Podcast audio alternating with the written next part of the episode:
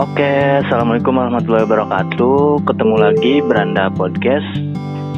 Kita hari ini uh, episode pertama di sesi ketiga, episode baru ya, sesi ketiga. Kita hari ini bakal ngobrolin soal new normal yang belakangan ini banyak banget dibicarakan dan bahkan sempat menjadi trending juga gitu. Kira-kira sebenarnya apa sih new normal ini? Padahal setahu saya sendiri kondisi korban sendiri masih banyak ya, masih banyak dan belum ada penurunan gitu. Tapi ada imbus new normal ini ada apa sebenarnya? Nah kita hari ini uh, bakal ngobrol bareng Kak Widya. Kak Widya ini aktivis dan jadi Widya ini aktivis dan perawat juga aktivis di Najmi Society bisa di follow di Instagramnya dia tempat kayak semacam uh, organisasi sosial yang fokus di bidang donat donasi dan kemaslahatan umat kayak gitulah. Nah hari ini kita bakal ngomong sama Kak Widya nama lengkapnya Widya Soleha ya. Kak Widya halo. Hai. Gimana kabarnya Kak Widya? Alhamdulillah sehat. Gimana kamu kabarnya tuh? Sehat juga, Alhamdulillah. Cuma ya agak bosen doang ya di rumah aja. Pandemi ya? Iya.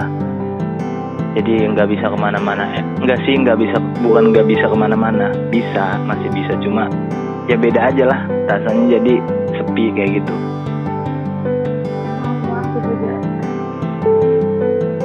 Sibuk apa aja nih? Ini pakai aku kamu ya? Kenapa? Ya bebas mau aku kamu, mau saya, mau gua, mau ya seenaknya aja lah. Tapi kayaknya lebih enak aku kamu deh. iya, kayak lebih enak aku kamu aja ya. iya. Gimana? Sibuk apa aja? Gimana? Sibuknya ya kerja Mm-mm. di rumah sakit. Ibu itu doang sih. Gak ada sibuk lain. Eh, dinas di rumah sakit mana? Di Surabaya. Oh, di rumah sakit. Salah Surabaya. satu rumah sakit itu kan. Mm-mm. Berarti setiap hari selain ya bermedia sosial juga kerja di rumah sakit ya. Ya. Terus eh, aku mau nanya nih ya, aku mau nanya, kan hari ini tuh lagi rame banget soal new normal ya. Heeh. Dengar kali ya, mungkin eh, di lingkungan perawat sendiri apa namanya posisinya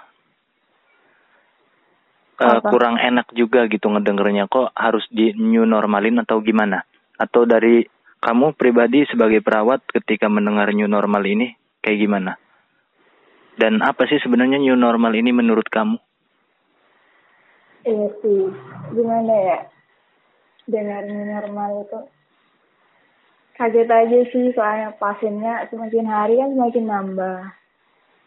Kemarin Hmm. aja sempet seribu ya, kalau nggak salah sempet seribu. Iya, naik Udah. seribu. Tapi ini transisi kan, masa transisi ya, masih transisi ya. Mm-mm.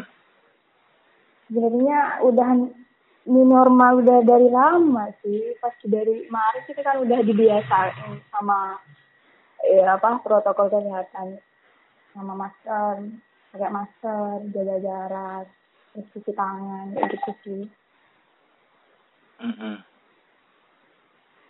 Berarti pola kehidupan new normal itu ya kita mematuhi protokol kesehatan ya. Heeh, aktif gimana kita kalau eh, lagi beraktivitas di luar itu kita mematuhi protokol kesehatan kayak gitu. Hmm. Ya karena sebelumnya mungkin kita eh, hidup ya dalam tanda petik bebas ya dalam arti kesehatan. Heeh. Ya lu mau sehat sehat, lu mau enggak enggak kayak gitu ya. Iya. Tapi sekarang di apa ya istilahnya diporsir banget gitu kita Di- harus mematuhi Dipaksa. Heeh. iya dipaksa banget harus mematuhi protokol kesehatan gitu ya Oh, oh. Mm, tapi, banget. mm, tapi mengingat banget sih. mengingat korban yang masih nambah kan takut juga ya. Maksudnya takut, oh yang normal. Iya, maksudnya kan kita ah, dibebasin nanti new, dalam protokol kesehatan new normal. Ya kan, Heeh. sedangkan korban masih tetap naik gitu setiap harinya kayak gitu. Iya, emang harus ada yang dikorbankan. Ekonomi kalau nggak new normal, ekonominya gimana? Ini Mhm. juga ya. Berarti Kayak gitu. ada ada pilihan gitu ya antara ekonomi sama kesehatan. oh. Ada ekonomi sama kesehatan. Tapi dari eh, kamu sendiri pentingan mana sih? Sama-sama penting sih menurutku. Iya, sama-sama penting mau ekonomi mau Apalagi kesehatan. Dengarnya ini sekarang udah ada pandemi baru ya apa? Yang gizi itu kekurangan gizi sama kelaparan. Oh, itu mah dari dulu. Iya. Oh iya, dari dulu ya. Iya, itu mah dari dari dari dulu emang ada di tengah-tengah kita kelaparan. Ya itu. Berarti dari kamu sendiri eh, setuju ya new normal ini? Gak apa-apa kalau Kok- setuju setuju kalau enggak enggak. Gimana ya? Kalau setuju kitanya yang harus lebih keras lagi bekerja Hmm, kalau enggak setuju, ekonomi kasihan masyarakat tapi baiknya gimana sih? Gini, gini loh gini. Jadi gimana? kita eh apa namanya taruh dulu ya soal permasalahan ekonomi ya. Barangkali mungkin itu penting banget karena mengingat eh, jadi basis utama di negara kita. Tapi dari sisi kesehatan deh dari sisi kesehatan yang mana kamu kan bergelut di bidang itu ya di Hmm. kesehatan ini. Seharusnya kan melakukan new normal itu pada saat seperti apa sih kayak eh, korban sudah turun atau kayak gimana kayak Hmm. gitu.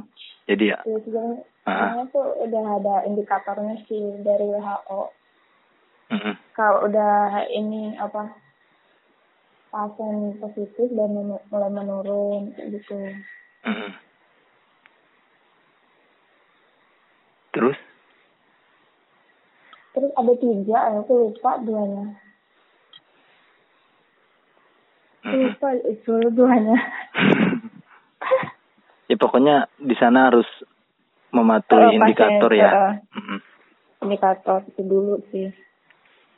Tapi sejauh Dan ini, Indonesia belum Ah. sih menurutku belum kan setiap hari nambah. ya setiap hari nambah. Apalagi nanti kita benar-benar dibuka semua ya, kayak sekolah dan sebagainya kayak gitu ya. Iya. Tapi bertahap ya sih kayak gitu. Ya percobaan Oh. transisinya gitu ya. Mm-mm, bertahap. Ya mungkin kenapa eh, pasien positif COVID mena- nambah karena ini kali ya kan sekarang tes swab semakin banyak, makin banyak di tes swab jadi makin banyak pasien positif. Oh berarti si kan, pasien semakin ini ketahuan. hmm, baru terdeteksi Ketahuan, gitu ya, karena Iya. dites Iya, rapid gitu. Ah, Oh, oh. Kamu udah tes belum? belum, gak berani lah. Kenapa kamu gak berani? Kan pencegahan, screening. ya, ya udahlah. Ini kalau aku mau biasa aja, maksudnya gimana ya? Ya biasa aja gitu. Insya Allah kok nggak kena. mau nggak kamu kalau dites? Gimana tergantung. Soalnya kan aku di kampung tinggalnya ya. Kalau tes Ah. kan, ya gimana sih kalau di kampung itu nggak bakal kebagian tes lah. Oh masa sih? nggak itu itu sarkasnya loh itu satirnya kayak gitu maksudnya kan tesnya itu ada di kota kayak gitu di eh, atau kita daftar ke sana gitu kan ya Mm-mm. Hmm. ya kurang berminat aja akunya Takut ketahuan positif. iya nanti ribut di kampung kan kalau ketahuan karena di kampung sendiri Kenapa? Di kampung aku sendiri ya, kampung sekitar lingkungan aku ya adem-adem aja. Artinya, ya kayak dalam beberapa bulan ke depan ini gak ada tanda-tanda kalau kita ini lagi ada musibah corona. Paling ya kerasanya, kita kerasanya dari kayak orang-orang yang kerja di kota itu pada pulang. Karena Hmm. udah nggak punya pekerjaan kayak gitu. Tapi urusan urusan ketahanan pangan dan ekonomi segala macam di kampung lebih berlimpah Eh, kayak gitu. Berarti kamu Tapi orang tua sekarang banyak nggak sih di situ kayak Kenapa? mematuhi protokol kesehatan? di di tempat Ya, aku uh, yang mematuhi protokol kesehatan uh, uh. ya ada yang mematuhi, ada yang fanatik mematuhi, ada yang belas nggak mematuhi sama sekali, ada yang ya kayak apa namanya dia ngapain sih kayak gitu. Peduli sama kayak gitu mati mah sama Allah atau kayak gimana kan ada orang-orang seperti itu. Ya sebenarnya Mm-mm. sama sih di di daerah sini juga. Ada yang mematuhi ada yang nggak mematuhi. Tergantung dia bacanya berita apa kayak gitu. Oh. Tapi kamu berarti setiap hari bertemu Iya. atau Iya ngerawat tiap hari. merawat Dan- pasien? Oh, oh. tiap hari positif, positif semua sih, Yang positif, semua. Hmm, kamu pernah apa namanya megang-megang gitu kayak Iya, kan iya aku mandiin, mandiin tapi pakai ini ini apa? Tisu basah tuh. Oh mandiin jenazahnya? Oh, enggak, enggak. Oh, enggak, itu ada sendiri. Oh iya, enggak kan tiap tiap malam kalau jaga malam itu mandi man, bukan mandiin sih ngelap ngelap pakai tisu basah itu. terus ganti popok Hmm, tapi kamu pakai ini ya apa OPD itu? iya hazmat hazmat Pasti ribet ya, iya Ribet. ribet takut Pas- juga gitu. Oh, Gimana perasaannya? Iya pengen cerita nih. Pas pertama kali ya, wah perjuangan banget loh aku bisa di sini, bisa ikut relawan Mm-mm, dari orang tua gak dibolehin awalnya kan, mm-mm. terus dibolehin deh. Perjuangan banget sih, karena bang pengen ya kayak pengen tahu aja sih pasien covid kayak gimana. Mm-mm. gitu. Terus pas udah nyampe sini takut awalnya takut ya. Takut ya. Jadi tuh sebelum sebelum masuk aku di ICU di ruang ICU dulu kan. Ruang intensif ICU ngerti kan tuh Mm-mm, Iya ngerti. Heeh, heeh. aku belum pakai APD cuma di nurse station-nya aja di ruangannya aja. Tapi eh, di dalam itu kan ada CCTV-nya kan. Lihat tuh pasien yang positif COVID terus sama perawat yang lagi ngerawat gitu. Aku langsung pusing tuh. pusing ngebayangin dulu gimana ya takut pusing sampai demam sampai suhuku tiga tujuh tiga tujuh koma lima Ta- Tapi udah pernah dites juga, udah pernah dites. Kamu udah Oh. pernah oh udah minggu kemarin aku udah di swab negatif rapid udah Alhamdulillah. alhamdulillah sakit tapi ya di swab tuh Berarti setiap hari bergulat sama pasien corona ya. oh, oh. Itu bedanya apa Iya, sih? hari. Enggak maksudnya bedanya pasien corona sama pasien yang lain apa? Ada tanda-tanda? ya itu bat batuk ya kayak tan ya tanda tanda pasien corona yang lima itu panas lebih dari tiga delapan koma lima batuk Itu dari sisi penyakitnya. Maksudnya dari sisi perlakuannya kayak gitu. Misalkan oh kan dari Ah. dari pelakuannya ya harus makanya kan ini virus ya infeksius jadi harus pakai APD jadi APD lengkap hmm, APD level 3 kalau aku yang kayak gimana level 3 itu? Iya pakai hazmat, pakai kacamata Google Face Shield, satu boot kayak gitu. Kayak, Hmm. kayak serem lah pokoknya. Panas tuh, sumpah panas banget. Iya pasti. panas. Mm-mm. Pertama kali aku sampai keringetan baju tuh sampai basah semua.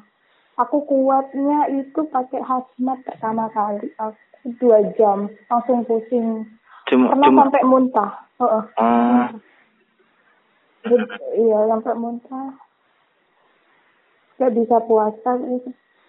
berarti nggak nggak kebayang sih ya maksudnya. Iya. Wah, aku baru wah ternyata gini ya rasanya. Iya, Tapi aku sama netizen masih dihujat. Parah banget tuh netizen. Ya, berarti ada ya bener ya pasien itu ya. Maksudnya Hmm, ada. Oh Yang- iya, konspirasi ya. enggak enggak ke konspirasinya. Maksudnya di berita-berita teh eh berjumlah sedemikian rupa sebenarnya ada enggak sih pasiennya kayak gitu loh. Aku penasarannya kayak gitu. Cuma kalau ada, mah ya. Hmm, ada ada. Sih Zul, menurutku. Apalagi kalau udah yang pasien Yang uzur ya, yang tua ya. Iya, kasihan banget kak. Udah karatul maut sih. Aku sering melihat pasien yang meninggal sekaratul maut. Oh, pasien COVID itu. Iya, udah banyak. Rata-rata yang pakai ventilator. Jadi alat kayak ngebantu nafas gitu. Ventilator itu namanya. Itu rata-rata meninggal semua. Terus aku pernah tanya kan ke dari petugas yang ini pemulasaran jenazah, ada berapa pak sih tiap harinya gitu. Katanya bisa sampai 13 orang gitu yang meninggal. Dia yang nguburin gitu. Mm. Ih, serem deh pokoknya.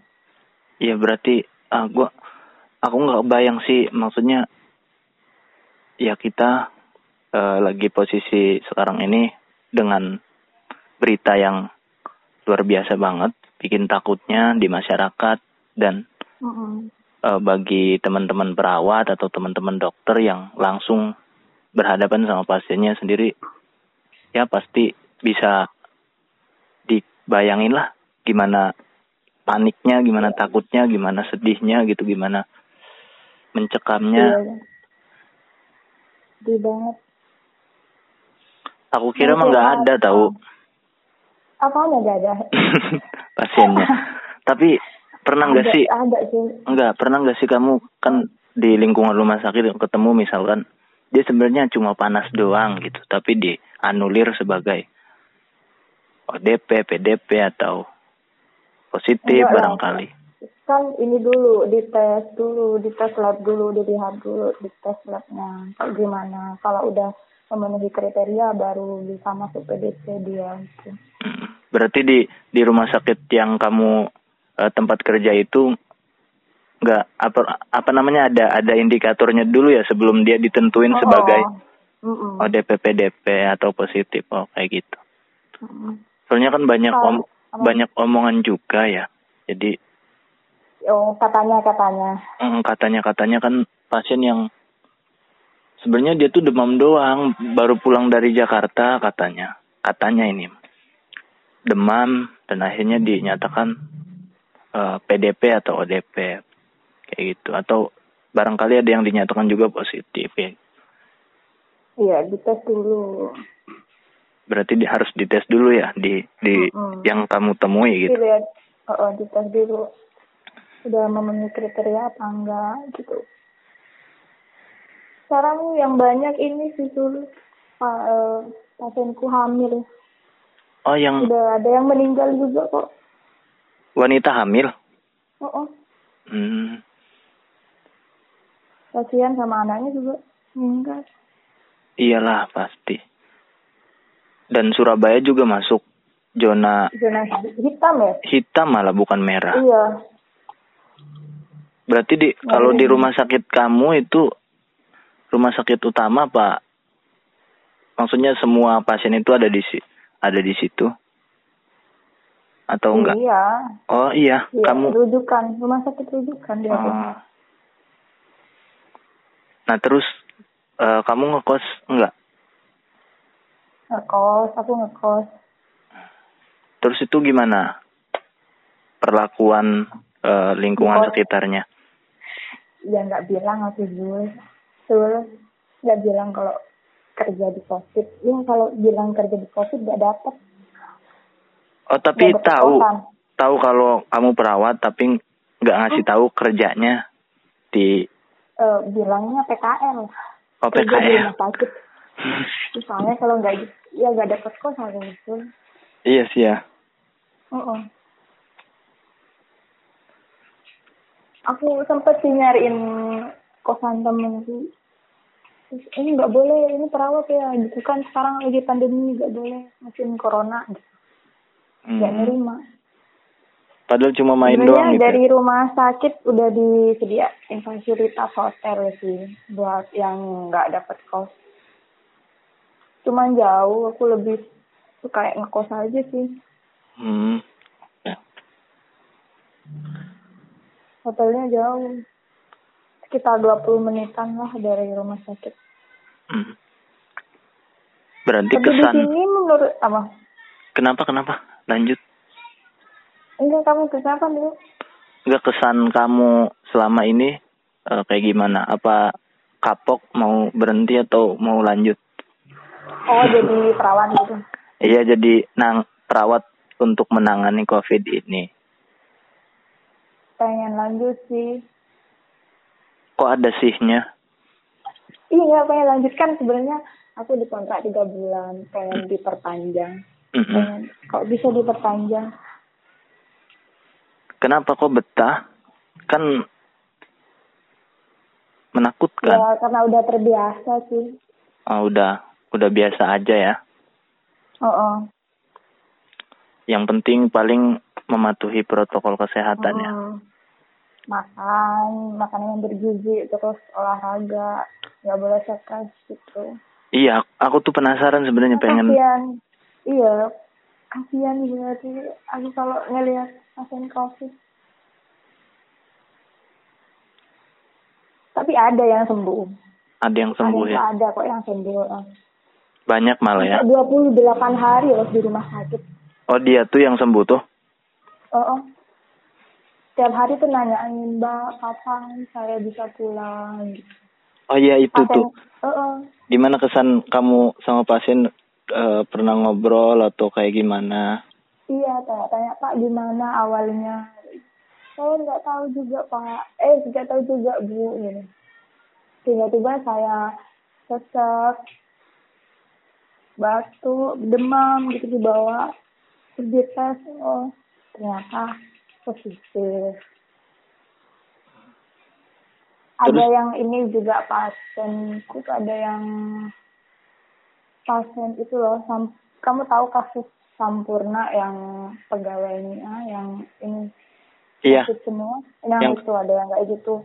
Tapi rata-rata pasien yang sembuh tuh yang mempunyai ini sih imunitas tinggi terus nggak stres. Makanya aku ngehibur pasien pasienku gitu. Menghibur ada kayak yang gimana? ini, Mm. ada yang main Facebook. Jadi ayo mbak foto-foto gitu. Nanti dimasukin di Facebook. Kami minta nomor gitu. Bapak-bapak udah tua. Hmm, Ya sekitar empat limaan lah. mm-mm. Berarti eh, banyak kesan juga ya di sana antara Iya, Ya, sedih, aku pengen takutnya. di pengen kerja di sana banyak kesannya. Oke. Terus kamu punya eh, pesan gak nih buat kita, buat masyarakat sebagai orang yang sebenarnya sih nggak tahu-tahu amat ya soal Iya, mereka Covid ini. aja katanya katanya. iya dan nggak terjun langsung. Ya mungkin eh, kita lupain dulu deh soal konspirasi-konspirasi di belakangnya. Ya. Tapi kan ru- virusnya mah memang ada gitu ya, memang ada Iya, dan pasiennya memang memang ada ada. gitu ya. Mm, pasiennya ada. Dan kamu kan yang notabene terjun langsung, menangani langsung, menghadapi langsung dan kayak kayak semisal aku dan teman-teman dan masyarakat di luar kan cuma melihat berita, menonton TV atau membaca sebuah koran dan sebagainya. Jadi kita sebenarnya kan nggak tahu masyarakat itu. Nah, kamu punya pesan buat masyarakat, buat aku juga, buat teman-teman pendengar Beranda Podcast? Ya, ayo dong kita patuhi protokol kesehatan gitu. Keluar pakai masker, terus jaga jarak, sama rajin cuci tangan. Terus ini jangan percaya sama apa berita hoax. Kan banyak nih sekarang berita hoax. Oh. Terus ini juga apa? Hindari ini narasi-narasi neg- negatif terhadap tenaga kesehatan. Soalnya ya kasihan lah mereka berjuang di garda terdepan ya. Iya. Iya, kok masih dihujat, dikira apa? Konspirasi bisnis. Kasihan gitu. Iya, benar. Jadi sekiranya buat teman-teman eh, punya apa namanya imun sendiri, terus tahu lah sama kondisi diri sendiri kayak gimana. Kalau waktunya Oh. lagi sakit, ya diperhatikan juga gitu. Hmm. Tetap pakai masker. Pokoknya keluar rumah pakai masker. Mm, Dan yang yang terpenting ya jangan sampai ada apa namanya eh perawat yang di hmm, di inilah di iniin masyarakat dibully atau di kayak gimana oh, jadi stigma. mm-mm, semacam Iya. kayak gitu dinilai negatif dan sebagainya Kasihan yang kerja di rumah sakit itu nggak bisa Mhm. pulang. Aja nggak bisa pulang sih. ya benar Mau ketemu orang, itu takut aja ya. Takut aku ngebawa virus. Iya ada ada ketakutan secara psikologis tersendiri ya Iya, takut aja. Takut kebawa virus. Soalnya kan aku tiap hari ke pasien COVID kan. iya benar Heeh.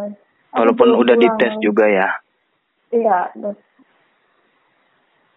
Jadi ya udah temenku itu mak, ya temen sejawat sama-sama relawan. Gak berani ke mana-mana. Di, ya kos, rumah sakit, kos rumah sakit sampai bosen. Iya setiap hari itu ya. Iya, setiap hari makanya bingung ya mau ngapain. Tapi di sini jalan udah rame sih, udah macet. Banyak kok yang nongkrong-nongkrong. Malah mirisnya tuh gak pakai masker. Sana aja zona hitam. Iya, padahal Surabaya tuh zona hitam ya. Jawa Iya. Timur. Parah pokoknya. Udah macet, udah macet sebelum lebaran kayaknya ya. Pas awal-awal PSBB itu masih sepi sih, sepi banget.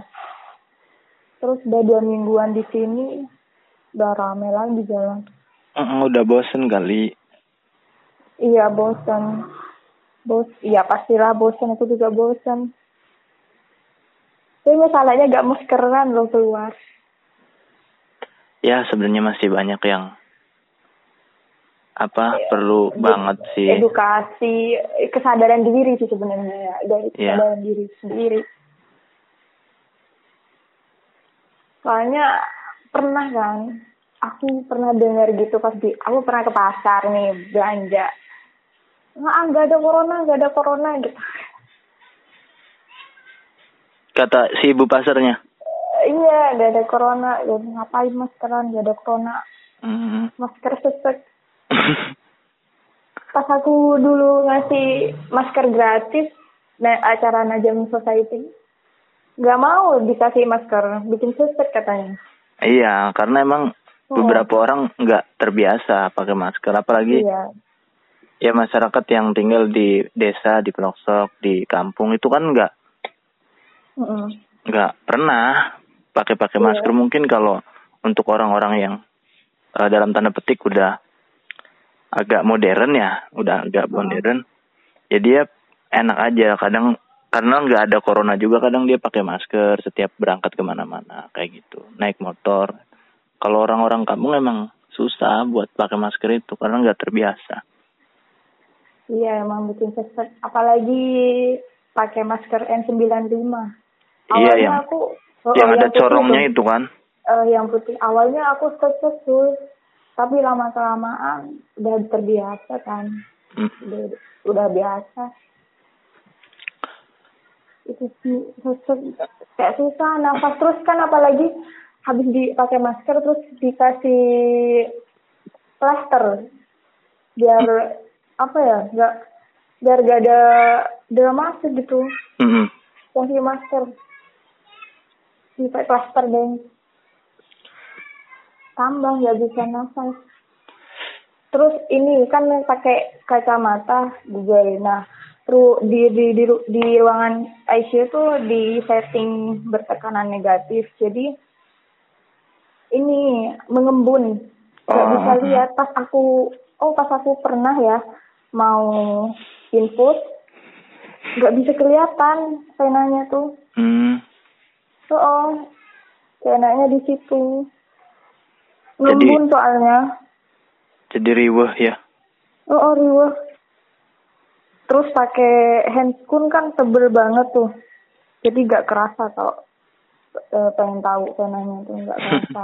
Untungnya ada alat sih, ada alat yang bisa apa bisa tahu penanya gitu di mana. Mm. Jadi Gitu. lika-liku lika-liku jadi perawat di masa Mm. covid ini ya banyak banyak Banyak apa namanya banyak banyak banget, pengalaman banyak ya banyak, banyak hikmahnya pengalamannya banyak banget. ya Jadi paling di apa di kacamata Google-nya itu eh, sama teman-teman tuh dikasih odol soden pasta gigi tuh. Iya Dan- agak panas da- sih ke mata. dari mana itu? Inisiatif. Oh.